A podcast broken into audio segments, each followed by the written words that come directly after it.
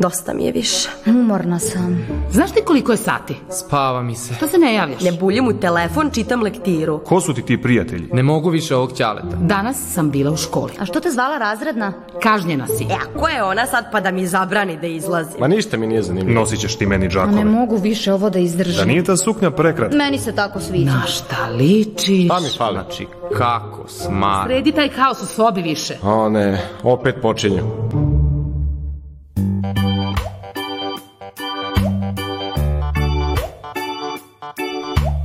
Da li roditelj treba i može da bude prijatelj detetu?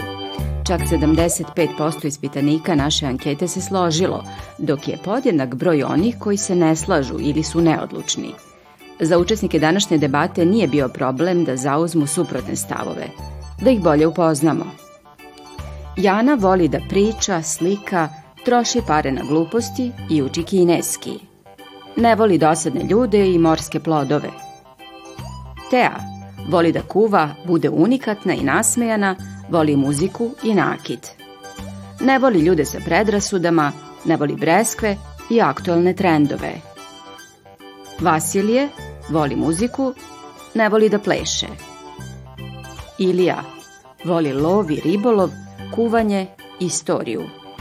Ne voli matematiku i ostale prirodne nauke.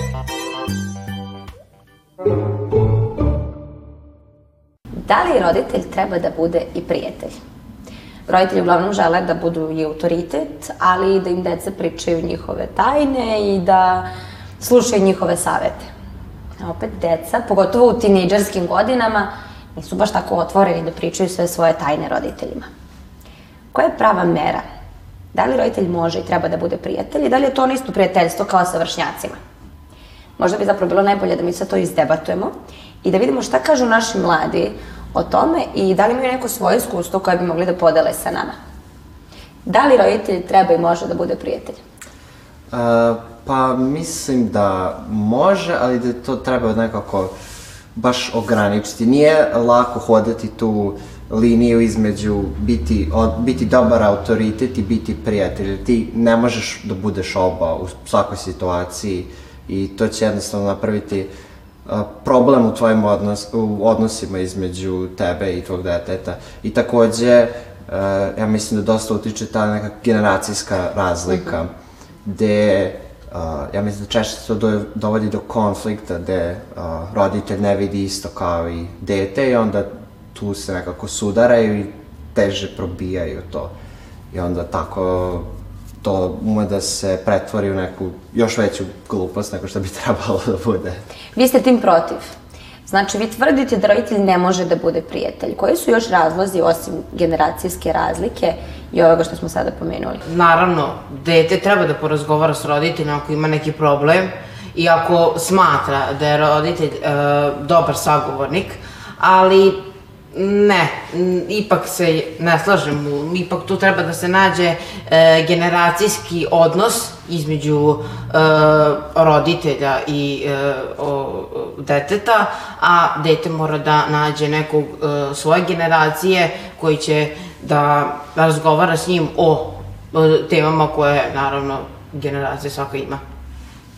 Znači, oni tvrde da ne može. Ali vi kažete da ipak može. Zašto može?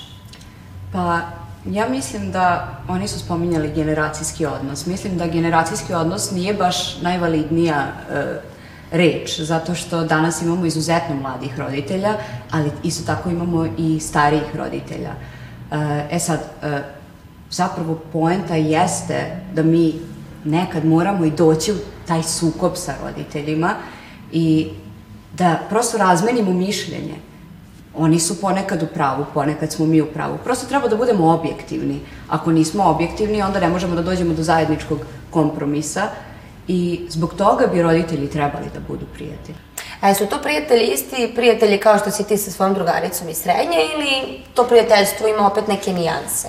Naravno da ima nijanse, zato što ja naravno neću moći da pričam sa svojim roditeljima o istim temama kao što ću moći da pričam sa svojom drugaricom i naravno neću moći da tražim iste, na primjer, savete ovaj, i savete koje dobijem znam da neće biti isti zato što će moji roditelji sagledati tu priču s neke druge strane, sa neke starije strane koja možda ima više smisla, zato što mi oko kad smo mlađi ovaj, ne sagledamo e, sve što nam se dešava ovaj, tako nekim zrelijim očima i vidimo možda šta će biti danas za sutra, ne danas za sledeću nedelju ili tako.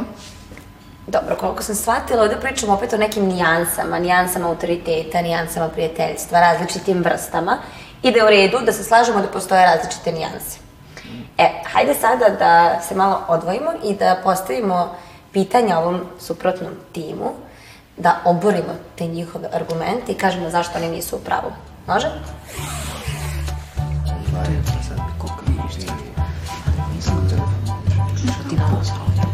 Mhm. Ne možeš mešati.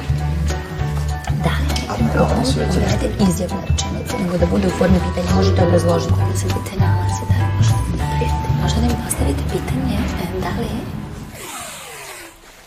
Da li ste došli do tog ključnog pitanja, šta je to vas isprovociralo u njihovom govoru?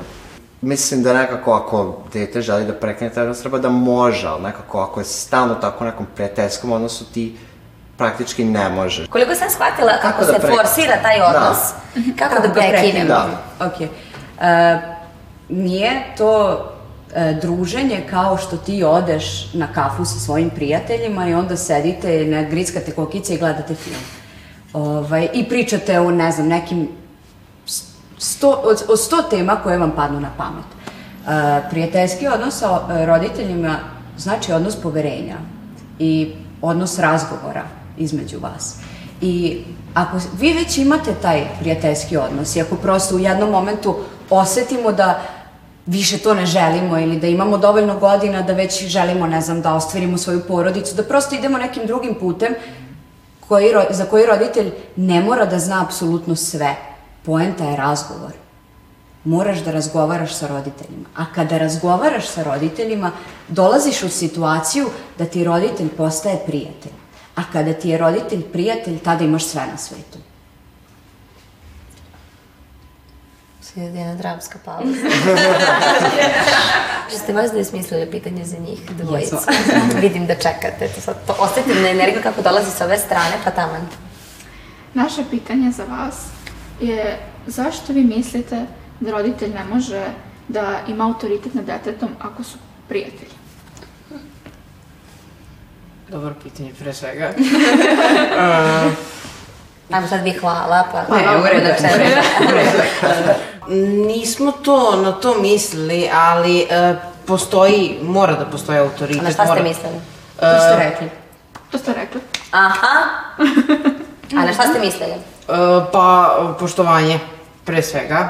E, Gubi se poštovanje ako nema prijateljstva. Da, znači poštovanje, e, ta, ipak treba da se zna ko je roditelj, a ko je dete i pre svega taj autoritet. Ako se, naravno, nismo da razgovor, razgovor je ključni između roditelja i deteta, ali e, ta granica prijateljstva, e, to već pre, prevazilazi i po e, ovaj, autoritet i e, poštovanje prema roditelju. Uh, ja imam pitanje, pošto si sad to tako ispričao, šta za tebe predstavlja autoritet? Za mene autoritet, Da. e, pa predstavlja da roditelj ipak ima neku, e, tako da kažem, kako... Kontrolu. Kon, pa kontrolu, da, nad, ne baš potpunu kontrolu nad detetom, ali e, da roditelj ipak, e, da dete ne može da se ponaša kako ono hoće, nego da roditelj... Daj mi neki primer konkretan, Da. malo mi ovo sad... Dete se ponaša previše opušteno, počinje da psuje i, i da se izražava vulgarno, Dobro, nećemo da psujemo. ali... Ili nešto e, gore. Da, Na primjer, ali... ima problem sa alkoholom i šta onda roditelj treba da uradi? Pa, roditelj treba da ga, prvo da mu kaže da to u stvari nije dobro i da to nije u stvari dobro za njegovo zdravlje i da ga posavetuje iz njegovih, e, od roditelja, drugara, kako su imali možda neki problem ili kako su se e, od toga, e, e, ajde kažemo, odvikli, E, ali e, da ga pre svega posavetuje. Kako misliš da ćeš ti da izađeš pred roditelja i da mu kažeš to i da očekuješ od tog roditelja da ti pomogne, a da ga dobar vremenski period držiš na distanci? I da zapravo bežiš od toga da, jer, jer misliš da tako, s tim odnosom tvoj roditelj gubi autoritet. E, ako ti imaš dobar odnos sa roditeljima, sa mamom i sa tatom, to će njima da imponuje. A ja se ne bih složila sa tim da roditelj ne može da ima autoritet zbog toga što upravo ako nam se pruži određena vrsta slobode, mi ćemo tu slobodu znati da iskoristimo. I nećemo je koristiti na glupav ili neki nepromišljen način, nego ćemo tačno znati gde su granice. A roditelji neće morati da, ne, da, da nam ih postave, zato što upravo zbog tog prijateljskog, prijateljskog odnosa i tog poverenja između nas. Da možemo sada da dođemo do zajedničkog zaključka i da vidimo da li su se neki stavovi možda promenili ili ostajete skroz pri onom što ste na početku rekli.